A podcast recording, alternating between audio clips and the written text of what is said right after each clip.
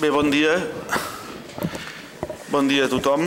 Eh, anem a, començar aquesta conferència, que és la darrera conferència que tanca el cicle eh, La llengua avui, reptes i propostes culturals eh, actuals, que sabeu que és aquest cicle que hem organitzat eh, des de l'Institut de Llengua i Cultura Catalanes, el grup de Història de la Llengua.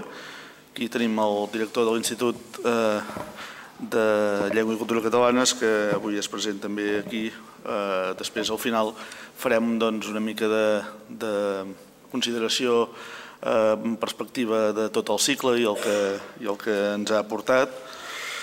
Eh, jo sóc l'encarregat de fer la presentació avui doncs, d'aquesta darrera conferència.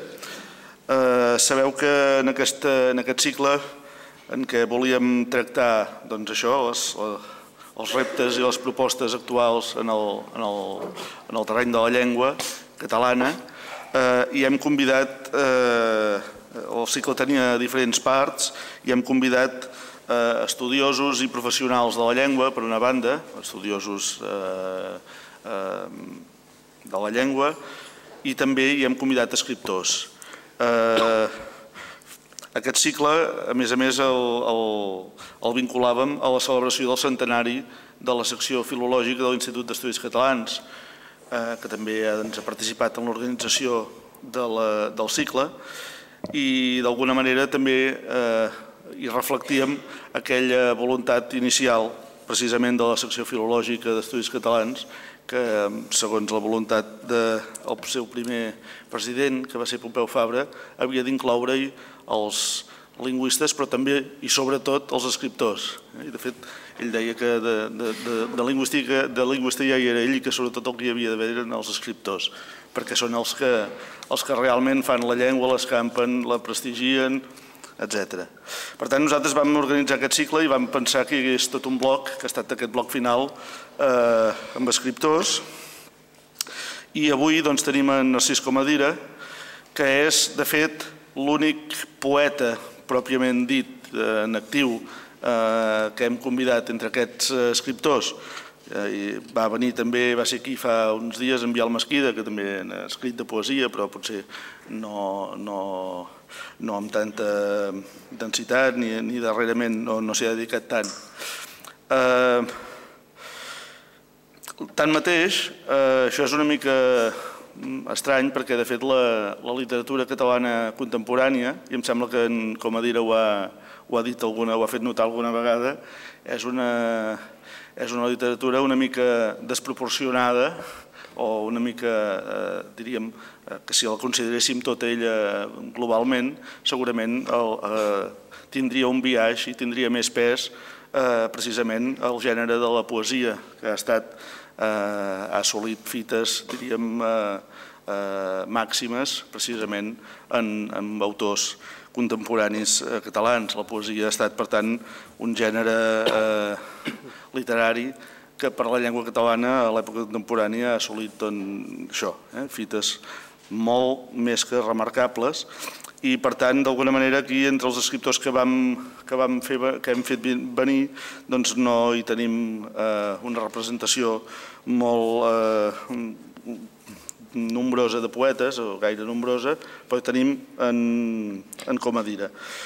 Eh, en Comadira ha reflexionat molt sobre la poesia precisament i la vinculació de la llengua amb la poesia de fet, la poesia, com sabeu, és el gènere literari que segurament depèn més de la llengua, de les seves possibilitats, que ajuda a crear llengua, a malejar-la, com cap altre eh, gènere literari. I a més a més, com a dir, jo penso, i molta gent eh, crec que ho pensa també, és el millor poeta català viu en aquests moments. Eh, I és una opinió, però és una opinió que segur, i ho sé segur, és eh, àmpliament compartida. A més a més, és un poeta viu i a més a més actiu. Acaba de fer eh, 70 anys, permets que ho pugui dir, ho pots dir, i pots dir. Eh, ho dic perquè és públic, acaba de fer 70 anys però també acaba de publicar el darrer dels seus, eh, dels seus llibres de, de poesia, aquest, aquest llibre eh, lent que doncs, s'ha doncs, presentat fa, fa ben poc temps eh, al públic. En Narcís Comadira, tanmateix, a banda de poeta, ha publicat més de 20 llibres de poesia, ha estat traduït a diverses llengües, eh, però a més de poeta ha estat eh, també escriptor d'altres menes de, de treballs, de proses, d'assaigs, de diverses menes, de tema literari, però també d'altres temàtiques, de viatges, de cuina. Eh, ha, escrit eh, mm, obres per al teatre, ha fet eh, traduccions importants, eh, hauríem de destacar sobretot les de Leopardi, les d'Oden, eh, i a més a més té altres facetes artístiques que no són estrictament literàries, tot i que hi ha una vinculació eh, molt estreta sempre en tota l'obra d'un artista doncs, que són la, en el camp de la pintura, com sabeu. Eh? A més a més, eh, Narcís Comadira, més de ser-ne fill eh, de Girona, ha tingut una relació llarga eh, i fecunda amb la ciutat i especialment amb la nostra universitat i especialment amb la Facultat de Lletres, que és on som ara, on eh, va participar en el, en el projecte de, de rehabilitació d'aquest edifici precisament per convertir-lo en seu de la universitat i de la facultat Recordeu que el mural, de, el mural esplèndid que tenim a l'entrada de, la, de la facultat és eh, obra seva també. Va participar també, en, eh, recordo, un any en la inauguració de curs de la universitat amb una, amb una conferència també molt, molt bonica que va ser publicada després, eh, que es titulava Aprendre de lletra, on reivindicava el paper de les humanitats en el món contemporani.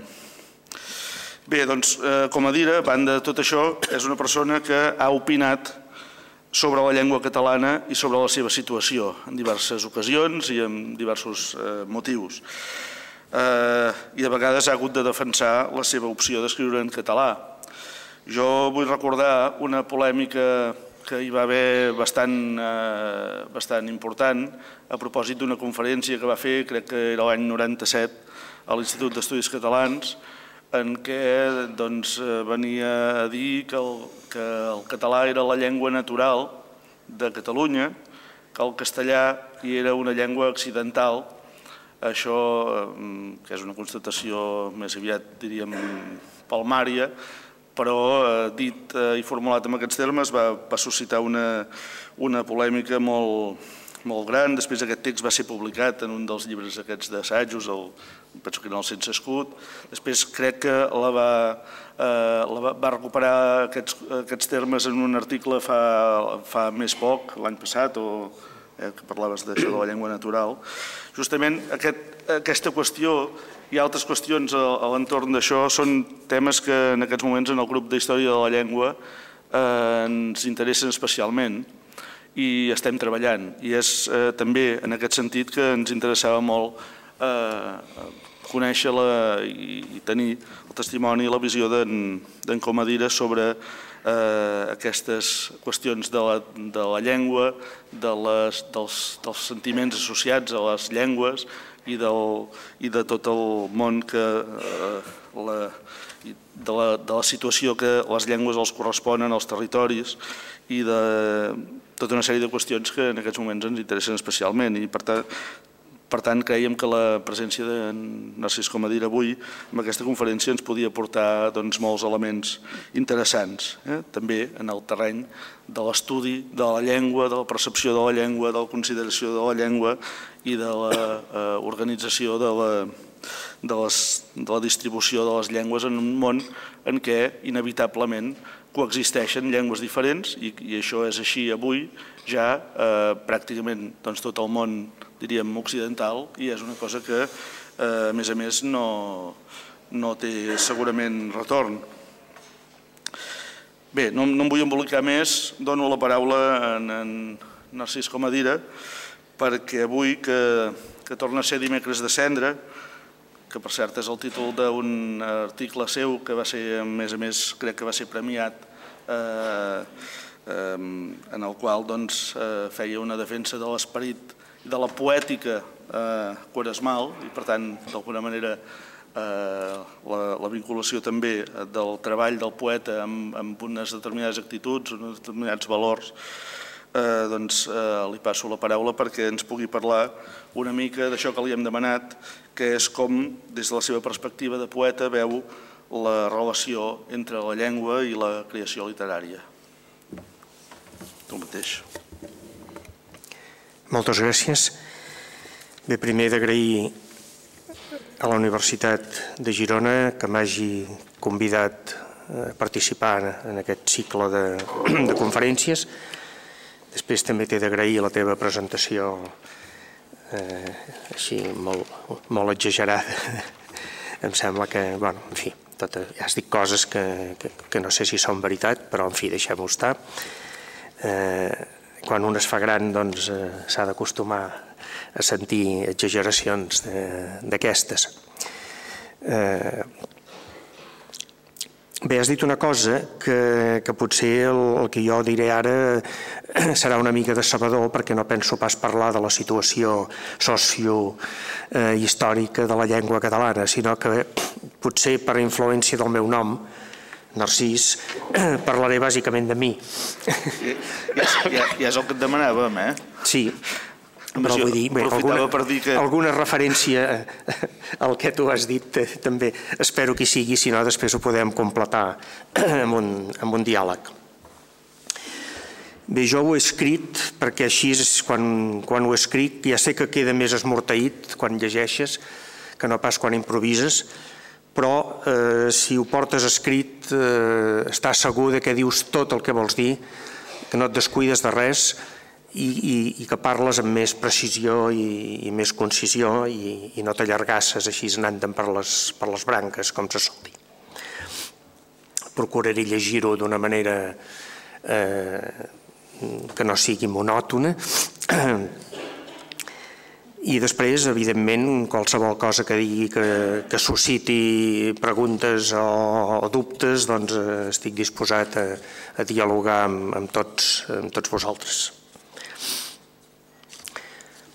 Han passat cent anys des que en aquella brevíssima i esperançada primavera cultural que va ser el noucentisme, els responsables del país van crear l'Institut d'Estudis Catalans i la seva secció filològica. Poc després, la promulgació de les normes, amb Pompeu Fabra al davant, va ser una formalització revitalitzadora de la llengua catalana que es va convertir en una llengua moderna i hàbil per tractar qualsevol assumpte.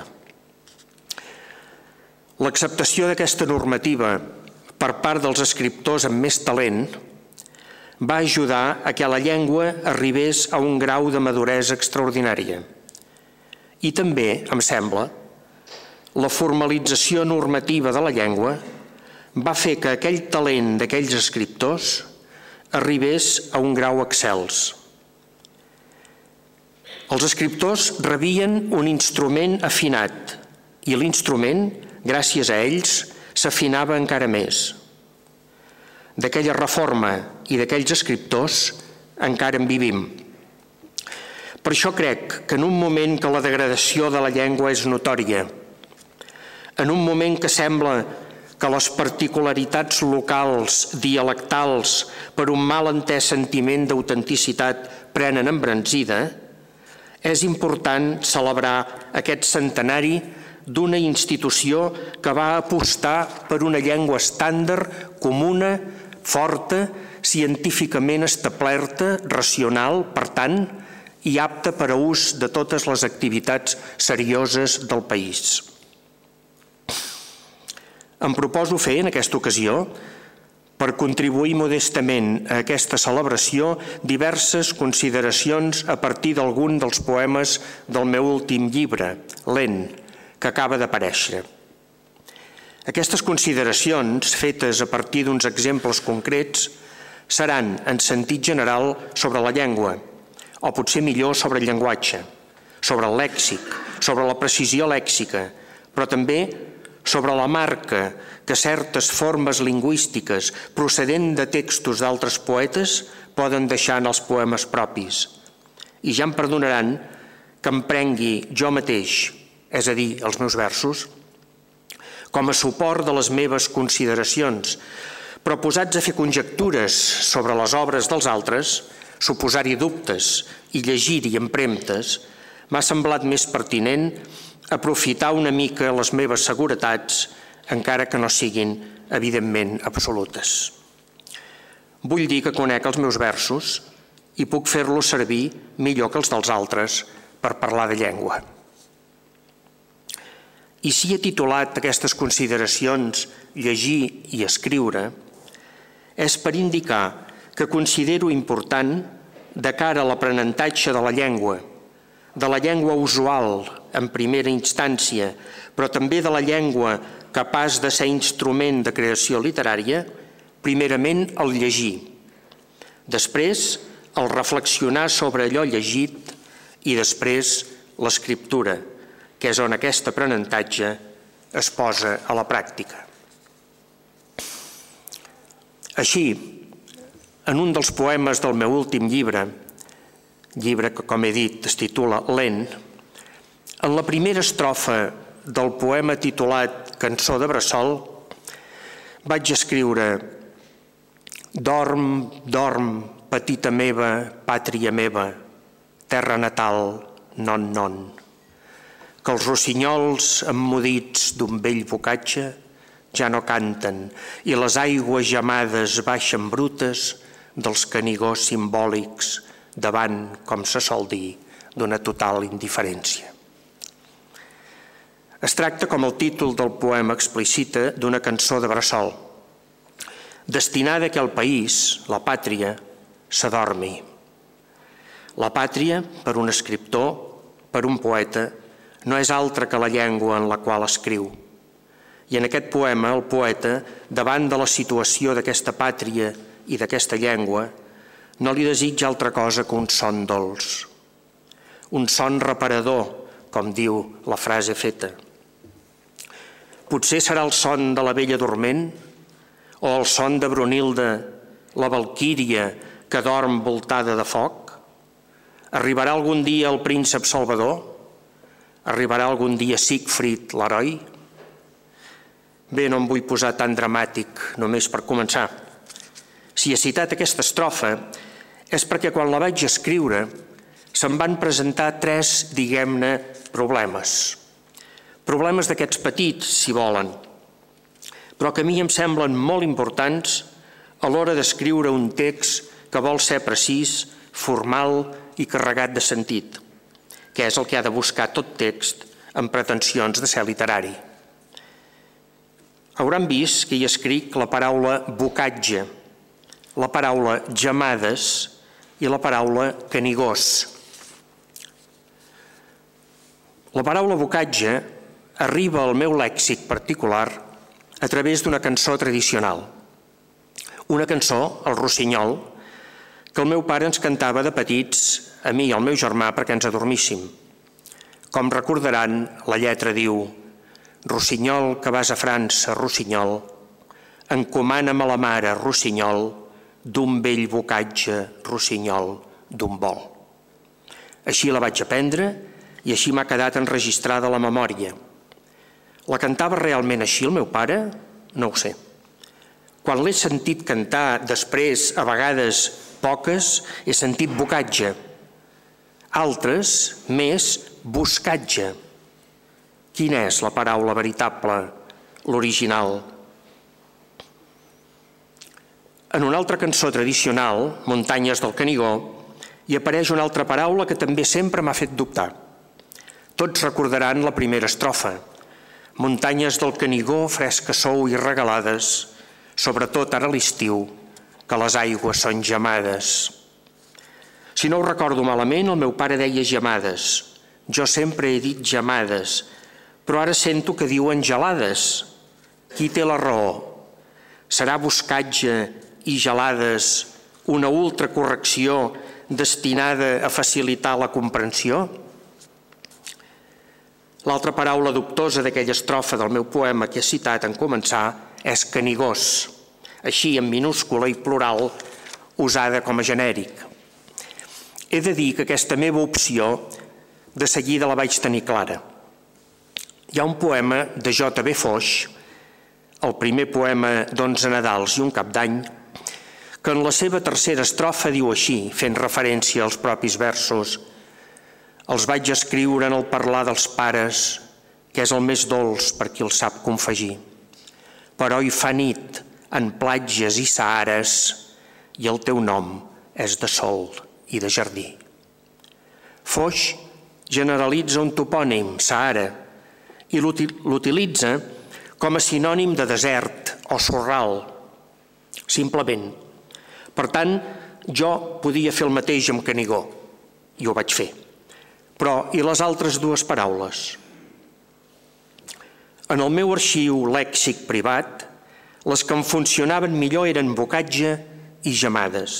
I quan dic que funcionaven millor, en aquest cas no era pas per raons accentuals o silàbiques, és a dir, mètriques, no.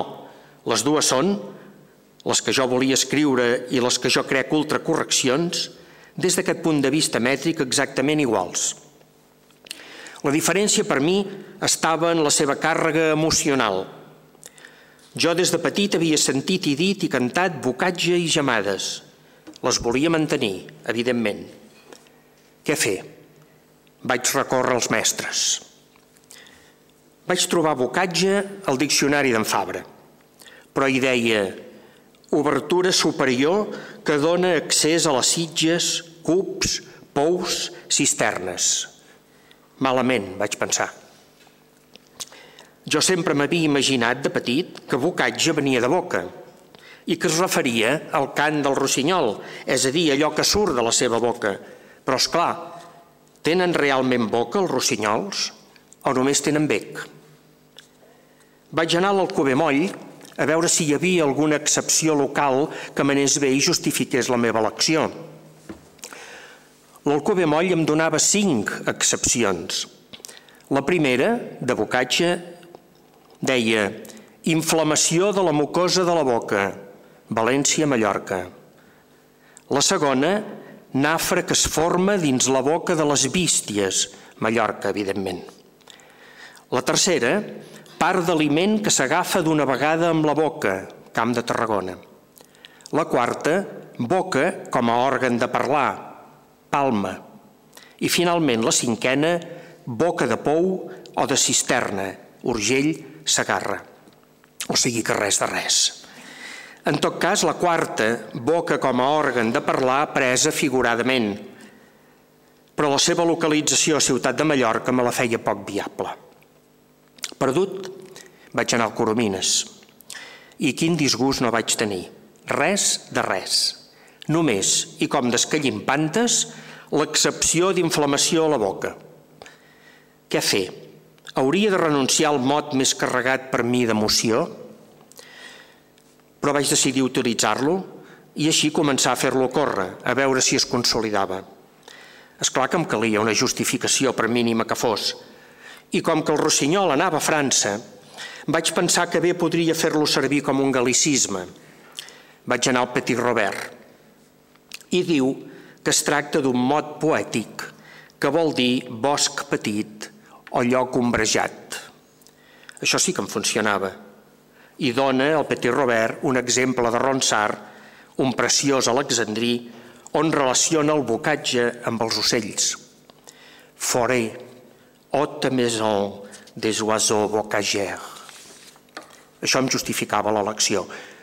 Cometria un galicisme, encara que el meu mot tingués el mateix significat del nostre buscatge, que és el que canten habitualment les corals catalanes. Amb les aigües gemades vaig tenir molta més sort.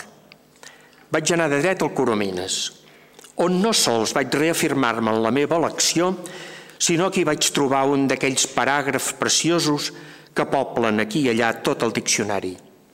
Diu el Coromines. Gemada. Aplicat a una vall plena de vegetació tendra, parèntesi, d'on es pogué estendre les aigües que s'hi escolen. En aquest parèntesi fa anar l'aigua, i mai millor dit, el seu molí, perquè el que vol dir Coromines és això que segueix, el record que s'imposa a tothom és el dels versos dolcíssims, muntanyes del Canigó, fresca sou i regalades, sobretot ara a l'estiu, que les aigües són gemades. I ara, agafin-se. Continua Coromines. Pugem o jaiem per les boscúries de Balatx o de la Baixa Cadí per avall de Marialles, al mig d'aquella forra fresca i luxuriant, sentint com corren per tot uns dolls aglopades d'aigua claferta de fullam i pètals de naret i satelies i birbillejant de volves i guspires de sol, gemadíssima la vall, què són les aigües? Gemades, és clar, com tota ella, i la frescona augmenta la delícia per al pastor o al caminant. La idea de frescor queda periada amb la de frondositat i verdura, i ajudant-hi un poc l'acompanyament de gelada i de gebrada, el mot queda vinculat a la idea d'aigua fresca. I després passa a donar tot d'exemples d'aquesta excepció, trets del seu pare i després, evidentment, de Verdaguer. Val la pena llegir tot l'article de Coromines dedicat a Gemada, que és una pura delícia, els el recomano. Bé, però tornem a la meva humil estrofa. O sigui que per gemades no tenia cap dubte. Anava a missa. Per bocatge, com que vaig decidir cometre galicisme, doncs també estava aprovat. I també el canigós, sota la protecció de Foix, doncs també el podia tirar endavant. És a dir, que la meva estrofa, l'ús d'aquestes tres paraules, eh, hi quedava del tot justificada. Però què em passava? Tan insegur em sentia amb la meva llengua? Els he de confessar que m'hi sento molt d'insegur, cada vegada més. I és que un escriptor, un poeta, necessita que la llengua que l'envolta estigui viva, que evolucioni i creixi, sí, però en la bona direcció, en aquella que li marca la seva genuïnitat. I ara, com saben, això no és pas així. Per això, en el mateix poema que he citat en començar, hi ha una altra estrofa que diu Dorm, dorm, petita meva, pàtria meva, terra natal, non, non, que se't corromp la llengua per l'analfabetisme creixent dels seus parlants. Pel nou ser no m'importa, pel trist abandonar-se a la facilitat, per la mandra creixent que et fan deserta d'ànima. És una estrofa seca, desolada, pobra, em va sortir així i vaig creure que donava també a la pobra estrofa una mica la situació general de la llengua. Però no volia acabar el poema així. Vaig fer un esforç i vaig escriure una cadenza una mica sota l'empara verdegariana. Dormin amb tu muntanyes fondalades, dormi el ramat de pobles i ciutats, dormin amb tu les cales refiades, guardades per als teus penya-segats. Dormin amb tu geleres i tarteres, arbres del bosc, xinesta i xuclamel. Dormin amb tu tardors i primaveres, hiverns i estius, estrelles dalt del cel. I el poema acaba Non, non, petita meva, pàtria meva, uns pocs, cada cop menys, terminals, et vetllem. Cada cop més tinc la sensació de ser un escriptor terminal. La llengua que encara es parla és una llengua absolutament pobra i bruta. Calcs del castellà, com per exemple parlar dels Nadals, de la nit bona i la nit vella, com aquest desitjar en tot moment felicitats a tothom, com si de felicitat n'hi hagués més d'una i encara escassa, com la supressió dels pronoms febles, i així tothom va en comptes dir va. I si els parles que els brunyols són bons, et contesten sí, ahir vaig menjar, en comptes d'ahir en vaig menjar. És catastròfica també la confusió de les esses sonores i les sordes, i així es parla de llistes de noses, que en aquest cas acaba sent veritat, com també acaba sent veritat dir els sobrers en comptes dels obrers, i es diu els sastres en comptes dels astres, i es diu els sous en comptes dels ous, i tantes altres barbaritats cada dia més esteses. És per això que en un altre poema del meu últim llibre hi dic les paraules em mostren sense sentit, culpables del seu buit, grans de la sorra erma, cruix el desert verbal, platja bruta del mar de la paraula. fatigat de llenguatge, ja només balbucejo silencis durs de sílex.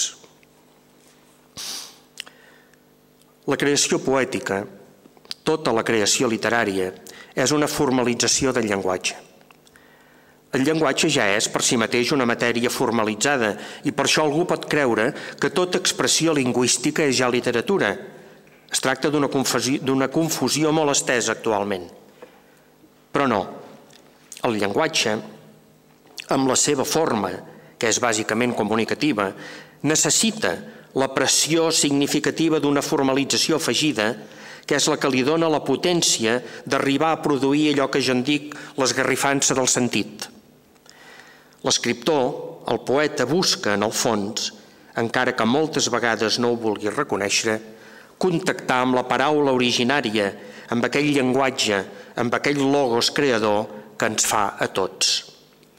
És per això que es parla de la relació del poeta amb el profeta.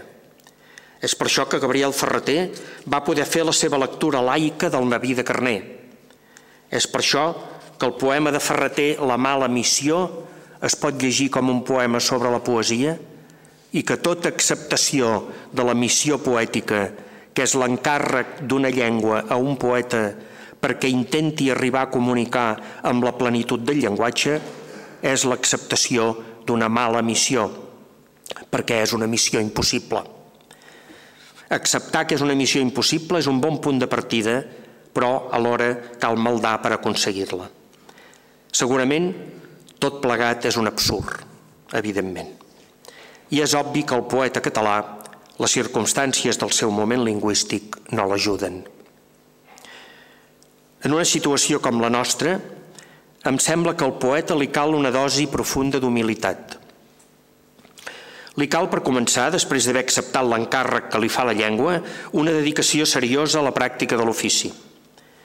Quan parlo que és la llengua la que fa l'encàrrec, vull dir o entenc que el poeta es posa al servei d'aquesta llengua. De fugir això és d'una absoluta inconsciència, perquè si bé el poeta ha de servir la llengua, ha de saber, o hauria de saber, que sense aquest servei es nega a si mateix la pròpia existència. O un poeta és un servidor de la llengua i per tant un explorador, un conqueridor, un defensor, un conreador, un guaita, un guardià, etc., o no és res en absolut. I per aquestes funcions cal un ofici, un entrenament. Per això he començat amb aquesta narració de la meva partida de caça subtil de diccionari en diccionari, amb aquesta constatació i declaració dels meus dubtes lèxics. Però una preparació, un entrenament, no vol dir solament l'exercitació per aconseguir precisió en el lèxic. Una llengua és una cosa molt més complexa. Vol dir una gramàtica, vol dir una sintaxi, vol dir un tenir-ne la història present. Vol dir allò que a mi m'agrada dir-ne un diàleg amb els morts, tant amb els de la poesia en la llengua pròpia del poeta com els de la poesia en altres llengües. I aquí hi entra la traducció. L'incorporar saba nova a la pròpia llengua, forçar aquesta llengua per captar la genuïnitat de l'altra i traspassar-la a la pròpia. Tot plegat fa que un poeta fabriqui, calibri llengua, per dir-ho com ho deia Gabriel Ferreter. La llengua d'un escriptor, d'un poeta, es fa primer amb la llengua familiar i de seguida afegint-hi la llengua presa fora de casa. En la meva època, amb la llengua que parlaven els amics a casa seva, i amb la llengua que se sentia en la vida quotidiana de la ciutat i poca cosa més, perquè no puc afegir aquí el que seria natural, és a dir, la llengua de l'escola, del teatre, del cinema, de la ràdio i la televisió, perquè quan jo era jove tot això no existia o no existia en català.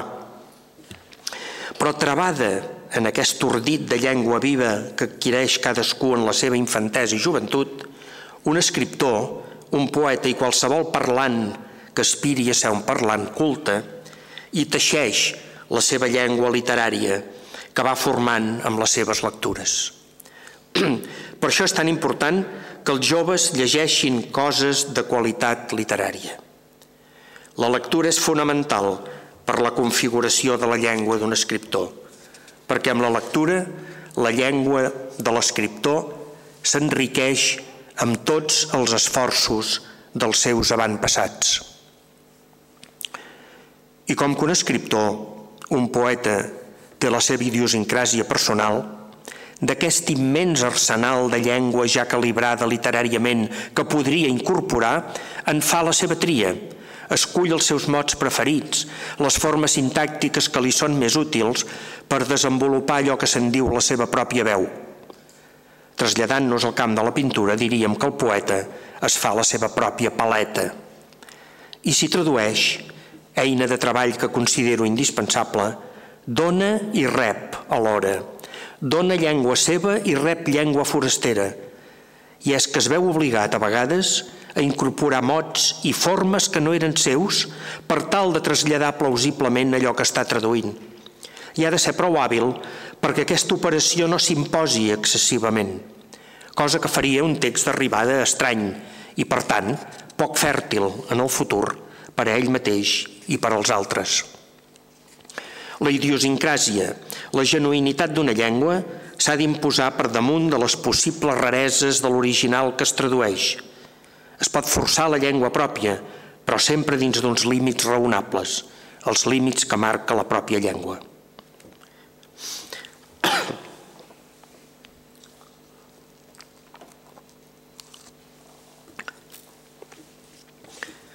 Els he parlat de passada d'una cosa que considero important de cara a aquest entrenament constant de l'escriptor. Aquella que n'he dit el diàleg amb els morts. Ara voldria estendre-m'hi una mica. Ja han vist com en aquella cançó de Bressol que els he citat hi havia una cadenza verdegariana. Potser, ja que estem parlant de llengua i de propietat lèxica, hauria de justificar l'ús de cadenza, així, en italià. Ho faig per distingir la de cadència, què és el que vol dir aquesta paraula. En música, cadència és com un signe de puntuació, i així hi ha diverses cadències.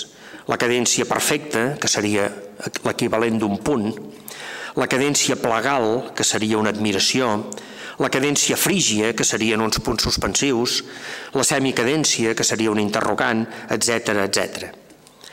En canvi, i per això uso cadenza, hi ha un ús impropi de la paraula cadència, que és aquell que designa un exercici de virtuosisme que els intèrprets solistes introdueixen en l'execució d'un concert. Normalment és un comentari temàtic. Moltes vegades, per evitar excessius lluïments dels solistes, que els autors podien considerar que temptaven contra l'estructura del seu concert, escrivien ells mateixos la cadenza.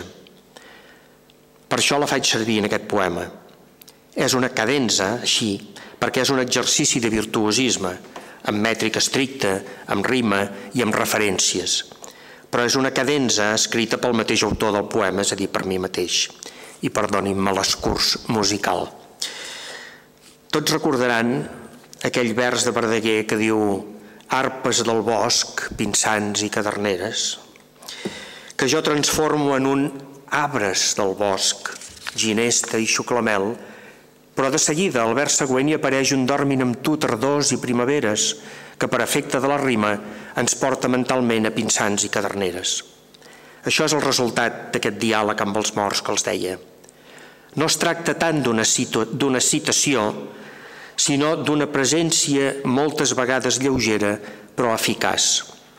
El patró d'uns versos coneguts marca uns versos nous.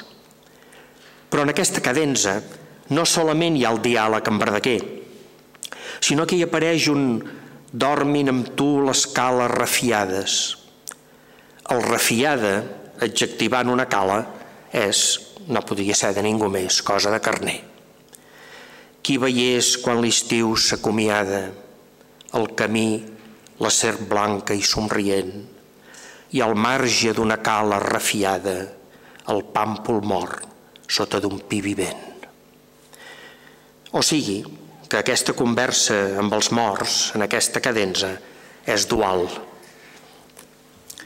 Un altre exemple. El poema de mà, del mateix llibre, al vers final, hi apareix un ressò maragallià. Jo escric, el temps ens mira i riu bàrbarament. Com recordaran, aquest riure bàrbarament procedeix del poema paternal de Joan Maragall. És aquell poema escrit després de l'explosió de la bomba del Liceu el 7 de novembre de 1893. Escriu Maragall. Bé, Maragall assisteix al Liceu, eh, hi ha l'explosió de la bomba i quan torna a casa es troba la seva senyora, la senyora Clara Noble, dit en català, i Noble, dit en anglès, perquè ella era anglesa, que dona de mamar a una de les seves criatures. Per l'any podríem deduir de quin és, però no m'he dedicat a fer aquests recomptes.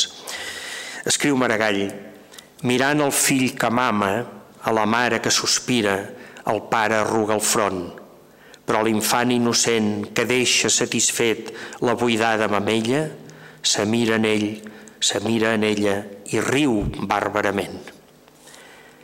És evident que de la llengua maragalliana d'aquest poema només n'he recollit aquest i riu bàrbarament, i és clar aplicat a un context absolutament divers. I el que m'agrada, el que em sembla que està bé, és extreure'n d'una estrofa, la maragalliana, absolutament dubtosa pel que fa a la llengua, allò que per mi és una llambregada d'autèntica poesia.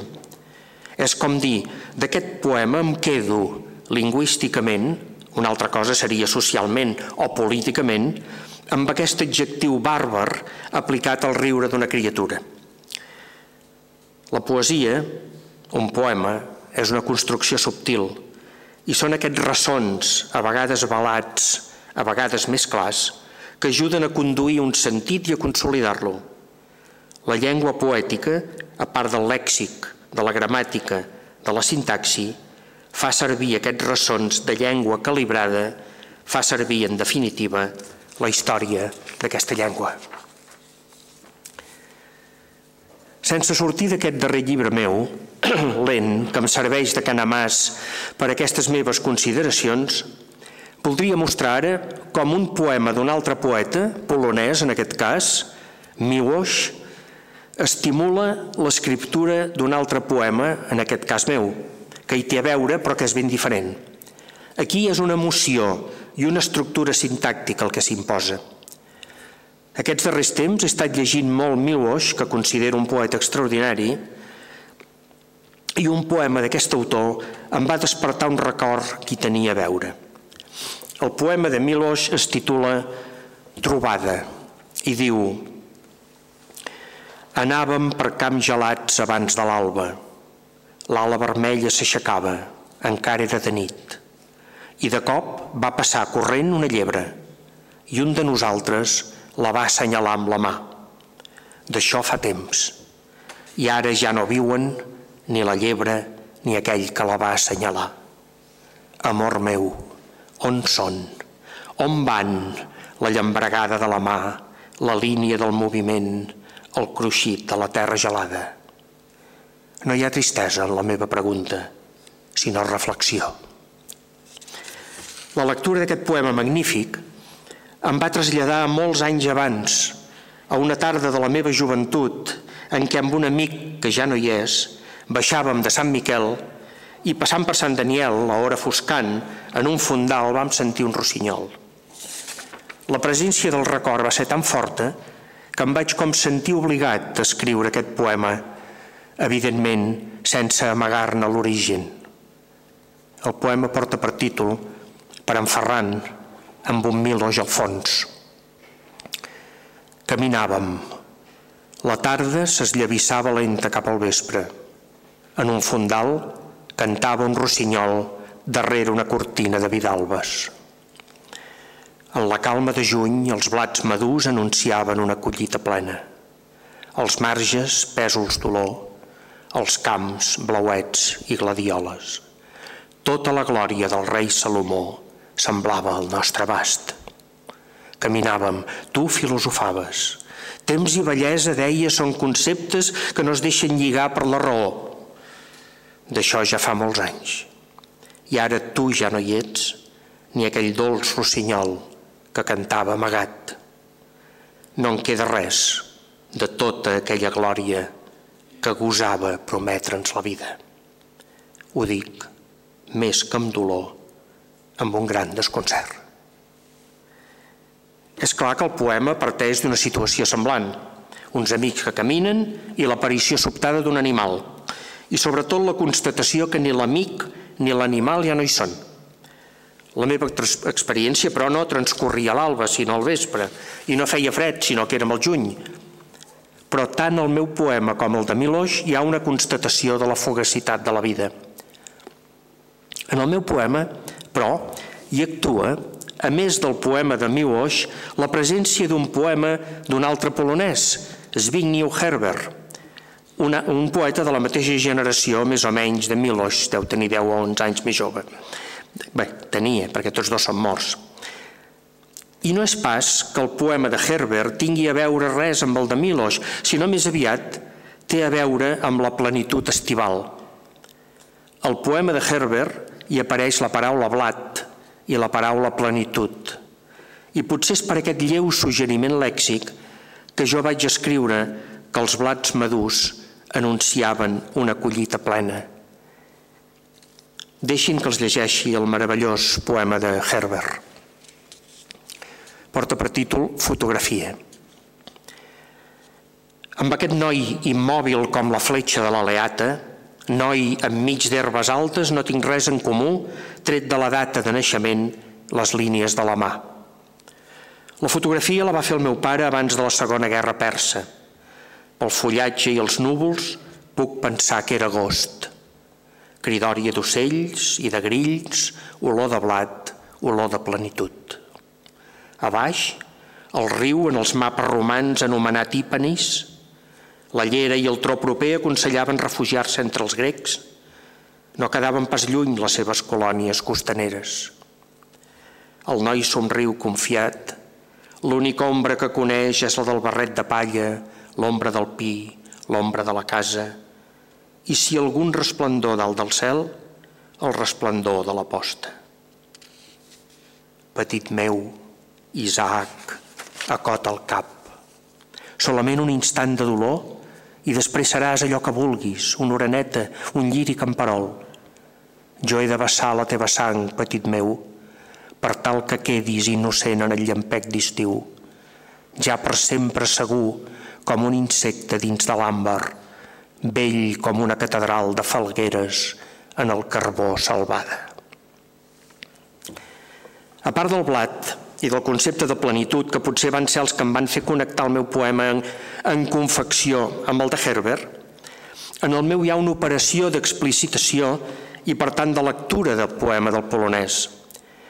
Quan el pare del poeta, convertit en un nou Abraham, es disposa a sacrificar el seu fill com si fos un nou Isaac perquè li fa una fotografia, és a dir, que li atura la vida, que li conserva la bellesa i li assegura l'avenir dins l'emulsió de plata, tal com l'àmbar empresonant-lo assegura l'avenir a l'insecte, li diu que podrà ser allò que vulgui i li insinua que podrà ser una oreneta o un lliri dels camps. En la situació real del meu poema, tant el meu amic com jo érem molt joves i encara podíem ser el que volguéssim. És per això, segurament, per aquesta expressió podrà ser allò que vulguis, que fonamentalment el poema de Herbert em va demanar fer-se present en el, en el meu. A més d'en paraules, també escrivim amb unitats verbals significatives i en els casos com aquest, carregades de, de significació ja literària.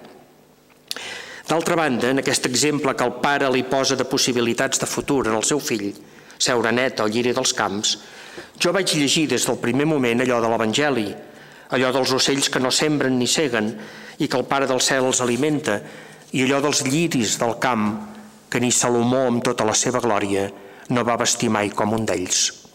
Herbert no ho diu, això. Jo ho explicito en el meu poema, és a dir, hi faig una aposta de lectura. En la virtualitat de la joventut, poder ser ocell del cel i lliri dels camps és poder ser la, la millor cosa de totes. En el dístic final del meu poema ho dic més que amb dolor, amb un gran desconcert, modifico el vers final de Miloš. Segueixo el seu patró sintàctic però canvio el lèxic. De sofriment passo a dolor. De reflexió passo a un dels seus possibles resultats, el desconcert. El diàleg amb els poetes, la seva lectura conscient, em porta una escriptura pròpia que a l'hora que els respon els integra en la meva experiència i en darrer terme en la meva llengua. No em vull entretenir més posant exemples d'aquesta mena. De fet, el que els volia dir ja ho he dit. Suposo que una mica confusament. Miraré de resumir-ho. Que la llengua és fonamental per a un escriptor és una obvietat. Que cal que l'escriptor serveixi la llengua potser no és una cosa tan acceptada per tothom. Hi ha qui creu que les coses van a l'inrevés, és a dir, que l'escriptor es serveix de la llengua. També he parlat de la humilitat, de la necessitat de l'ofici, de la caça subtil que és anar de diccionari en diccionari buscant la precisió lèxica, la propietat. He parlat de la lectura i de la traducció com a fonamentals per ampliar la llengua pròpia. També de la situació problemàtica de la llengua. I tot això ho he explicat, o he intentat explicar-ho, amb exemples trets de poemes del meu últim llibre. Una mica per donar entenent que aquest problema de la llengua és un problema que em preocupa i aquesta preocupació no és pas una cosa nova. Per això, per acabar, deixin-me que els llegeixi un poema meu de fa temps en què ja em sentia en certa manera culpable d'haver-me esforçat poc. Es tracta de confessió.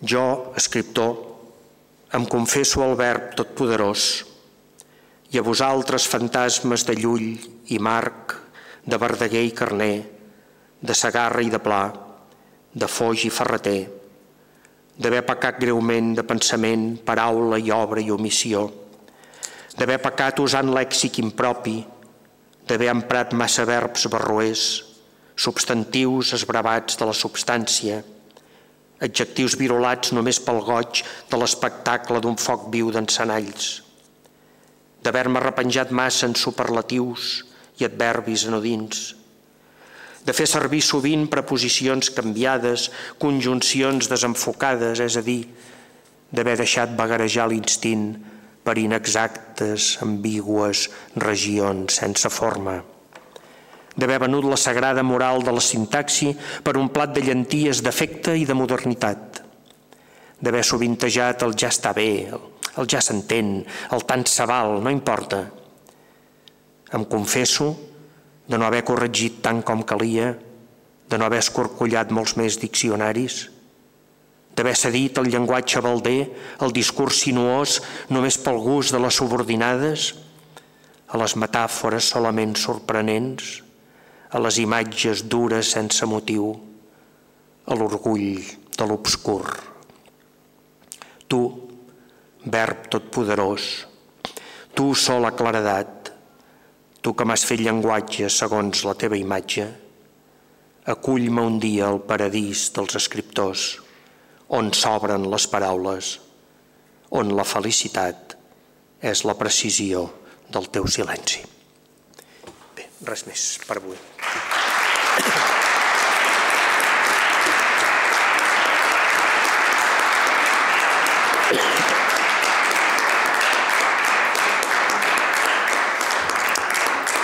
Bé, ja els he dit abans de començar que si algú volia preguntar coses, estic disposat a, a contestar gairebé a tot. Si algú vol, si algú vol intervenir, doncs podríem disposar d'una estona per, per fer una mica de diàleg a propòsit d'aquesta conferència magnífica que ens ha fet en Narcís Comadira. No sé si hi ha algú que, que vulgui intervenir? Penso ara, i, i pensant en els estudiants, sobretot que sou aquí, si hi ha altra gent, el, la síntesi que, que al final de tot doncs, ha fet en, en com a dir, de les, dels temes o de les qüestions que d'alguna manera eh, ha estat plantejant en la seva explicació, no gens confusa d'altra banda, em sembla que us pot haver anat bé per, per, per recollir no? Una, unes, unes idees penso que molt interessants. Eh? Ell, les, ha, les ha recopilades al final, la idea del, de l'escriptor que serveix la llengua, la, lleng, la idea de la, el tema de la precisió, la propietat, ha dit ell, podria, podríem dir-ne també la, qual, la, la qüestió de la qualitat de la llengua, és a dir, una cosa és la llengua, mm, però dins de la llengua i fins i tot dins de la llengua correcta hi ha diverses eh, possibilitats més genuïnes, també és un concepte que ha sortit en algun moment, o de més qualitat o de menys. I aquesta és una qüestió que normalment no en, no en solem parlar i no en solem fer-hi referència. Ha parlat de la, la lectura i la traducció com aquestes activitats que són eh, especialment riques per crear llengua. I després ha parlat Mm, tot i que no ho ha dit ell en el seu resum, però jo crec que és evident que n'ha parlat de eh, la qüestió dels sentiments que associem a les llengües, eh, perquè de fet eh, això impregna moltes de les coses que ha dit i especialment amb, aquesta, amb aquest final, amb aquest, eh, eh, jo pecador eh, davant del, de la llengua que d'alguna manera ens, ens, ens fa pensar en l'existència del pecat de llengua, del qual l'escriptor eh, se n'ha de confessar, i el pecat de llengua, i per tant el, el, el pecat de llengua implicaria doncs, la culpabilitat, un sentiment de culpabilitat eh, davant la llengua i davant dels deures que s'associen a la a l'ús, a la transmissió de la llengua, tot, tot, tot una sèrie de qüestions crec que molt, molt interessants i molt poc, eh, molt poc eh, fressades. Eh? I bé, jo penso que ha estat molt interessant. Eh, de cara als estudiants crec que aquestes, aquests temes, aquests eixos eh, resumeixen molt bé el, la seva intervenció, però no sé si voldríeu, algú dels que sou aquí, doncs, mm, eh, aprofundir una mica més en alguna d'aquestes coses. I els que no sou estudiants també, eh?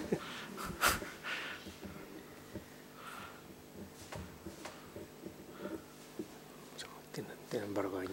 Teniu vergonya. I els, i els, si hi ha algun poeta a la sala que volgués Segur que n'hi ha algun d'amagat.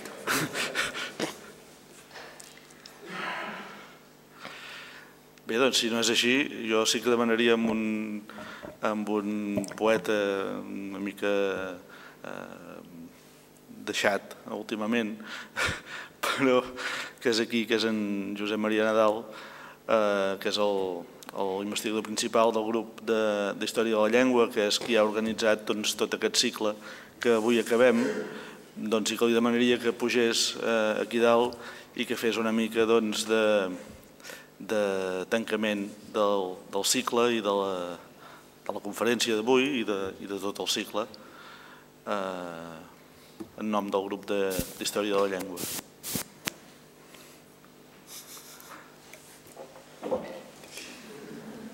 Havíem quedat així, no, Pep? Ah.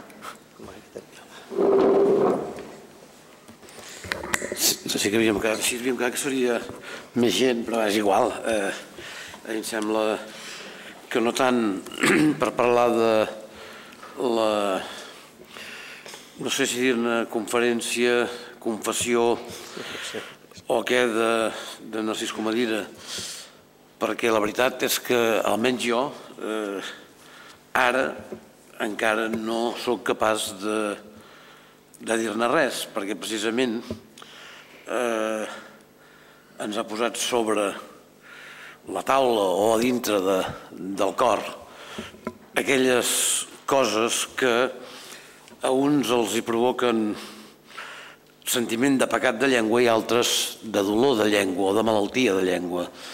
Perquè és veritat que eh, cada vegada més vivim en la malaltia de la llengua, de la nostra llengua, i això és una cosa que, la veritat, alguns almenys ho vivim molt malament, ho patim, i quan eh, sents una, unes reflexions com les d'en Comadir avui, primer sents emoció i després eh, sents la malaltia.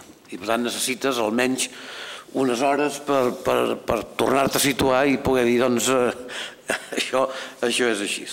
Per tant, no és d'això el que jo volia parlar, sinó de eh, un acte molt ràpid de tancament de eh, aquest cicle de, de conferències que hem fet per celebrar els 100 anys de la creació de la secció filològica de l'Institut d'Estudis Catalans.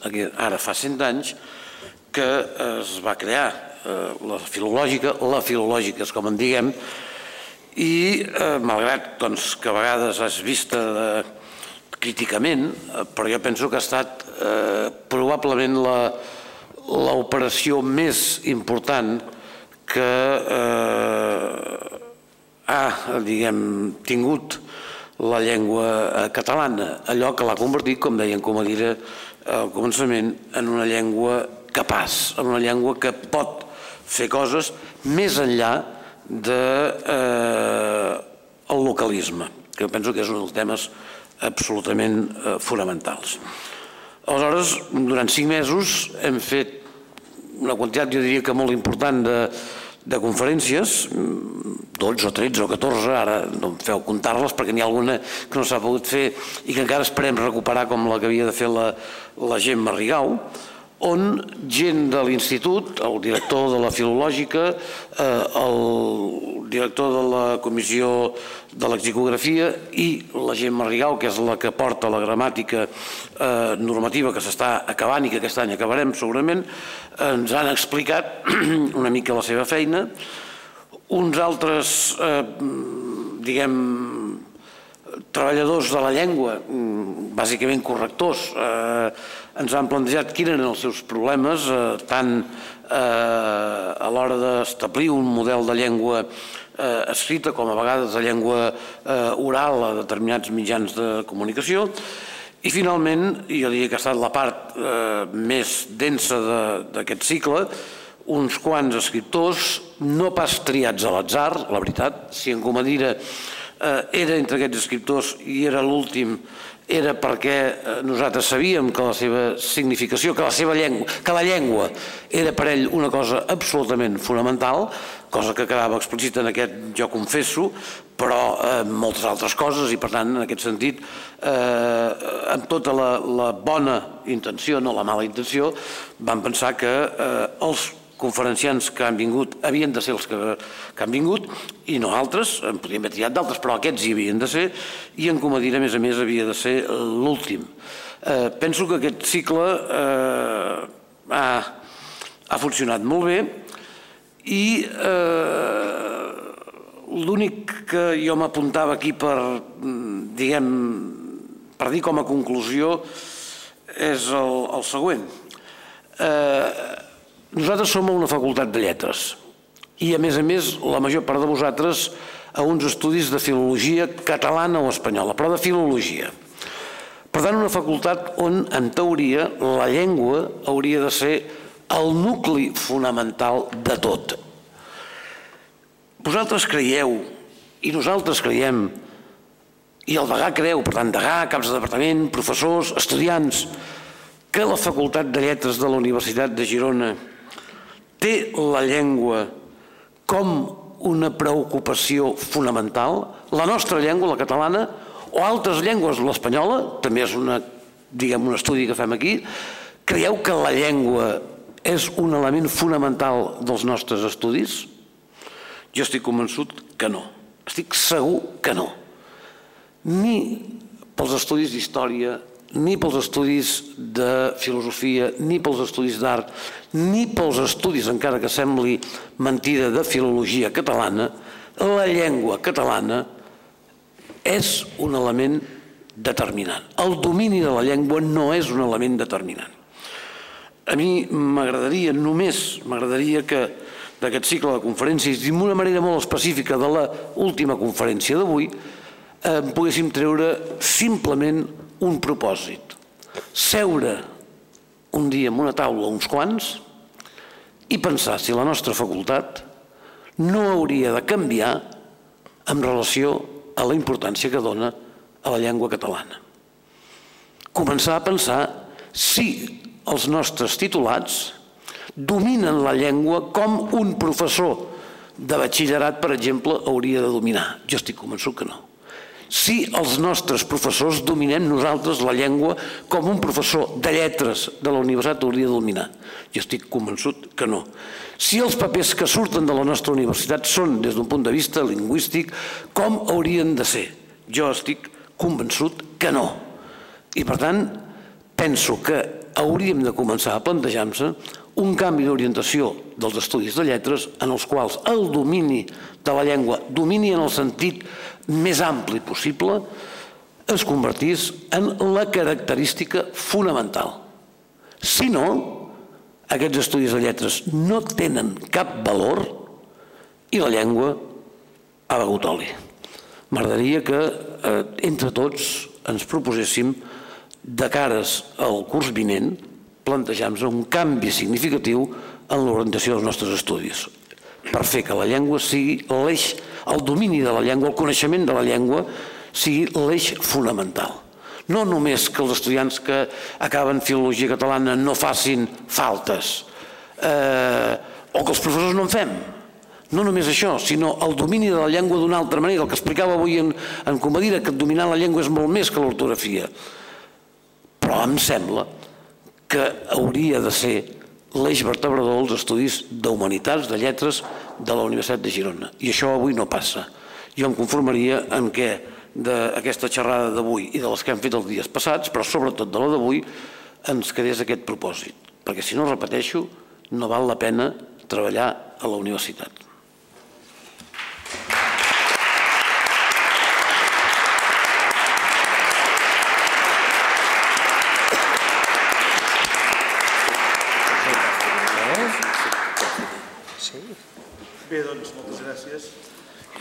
Moltes gràcies a tots els que heu sigut doncs, fins ara aquí, que tingueu doncs, un bona, una bona continuació del curs. Eh, el cicle aquest, doncs... Eh...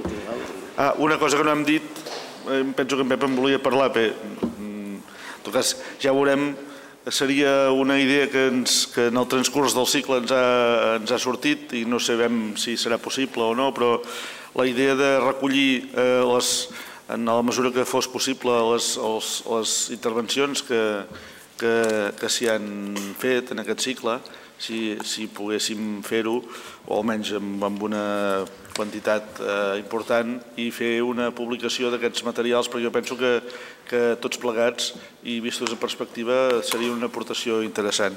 Tot això doncs, pot ser una de les conseqüències que aquest cicle pugui tenir doncs, eh, més endavant. En cas, moltes gràcies per haver-lo seguit i per haver estat aquí doncs, eh, fins avui. Moltes gràcies.